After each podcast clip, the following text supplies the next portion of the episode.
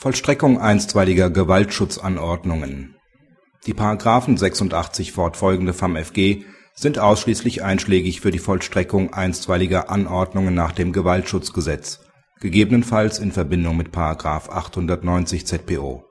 Nach § 890 Absatz 2 ZPO ist eine Androhung des Ordnungsgeldes vorgeschrieben. Die Androhung eines Zwangsgeldes oder von Zwangshaft nach § 35 FamFG ersetzt diese nicht und macht diese auch nicht entbehrlich. Das Amtsgericht hat am 24.11.2009 befristet bis zum 23.04.2010 eine einstweilige Anordnung nach § 1 Gewaltschutzgesetz gegen den Antragsgegner erlassen. In dem Beschluss heißt es Gemäß § 35 Absatz 2 FamFG wird darauf hingewiesen, dass das Gericht bei der Zuwiderhandlung gegen die Anordnung gegenüber dem Verpflichteten Zwangsgeld bis zu 25.000 Euro und für den Fall, dass dieses nicht beigetrieben werden kann, Zwangshaft anordnen kann. Verspricht die Anordnung eines Zwangsgeldes keinen Erfolg, kann das Gericht sofort Zwangshaft anordnen. Am 30.12.2009 wird ein Zwangsgeld gegen den Antragsgegner festgesetzt am 2.3.2010 beantragt die Antragstellerin wegen eines Schreibens des Antragsgegners an sie, in dem dieser in Beantwortung der Kontaktaufnahme der Antragstellerin eine Abrechnung wechselseitiger finanzieller Forderungen vorgenommen hat, ein Zwangsgeld ersatzweise Zwangshaft festzusetzen. Ein paralleler Antrag auf Verlängerung der einstweiligen Anordnung wird bestandskräftig abgewiesen mit Beschluss vom 9.04.2010 weist das Amtsgericht den Antrag auf erneute Festsetzung eines Zwangsgeldes zurück. Zur Begründung führt es aus, dass aufgrund der persönlichen Kontaktaufnahme durch die Antragstellerin schon die Voraussetzungen des § 35 FamFG nicht vorlägen.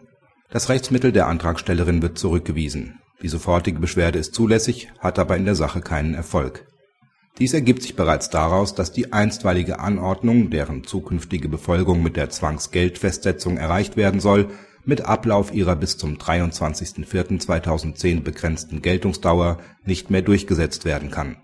Zudem kann aber die Durchsetzung der einstweiligen Anordnung nach dem Gewaltschutzgesetz nicht durch Maßnahmen nach § 35 FamFG erfolgen es handelt sich dabei nämlich um eine Endentscheidung, die ausschließlich nach den § 86 fortfolgende FamFG gegebenenfalls in Verbindung mit § 890 ZPO zu vollstrecken ist. § 35 FamFG findet dagegen nur für die Durchsetzung verfahrensleitender Anordnungen des Gerichts Anwendung.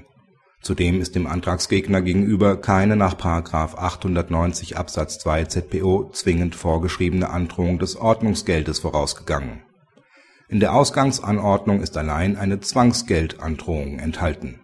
Diese Androhung nach § 35 FamFG stellt auch nicht die nach § 890 Absatz 2 ZPO erforderliche Androhung eines Ordnungsgeldes dar und macht diese auch nicht entbehrlich.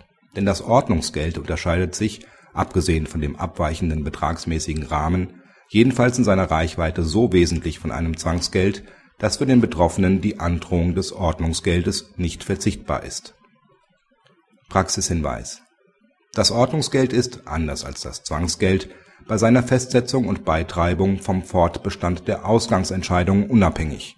Zudem kann der Betroffene nach einer einmaligen Verwirkung des Ordnungsgeldes nicht mehr durch ein späteres Verhalten die Beitreibung verhindern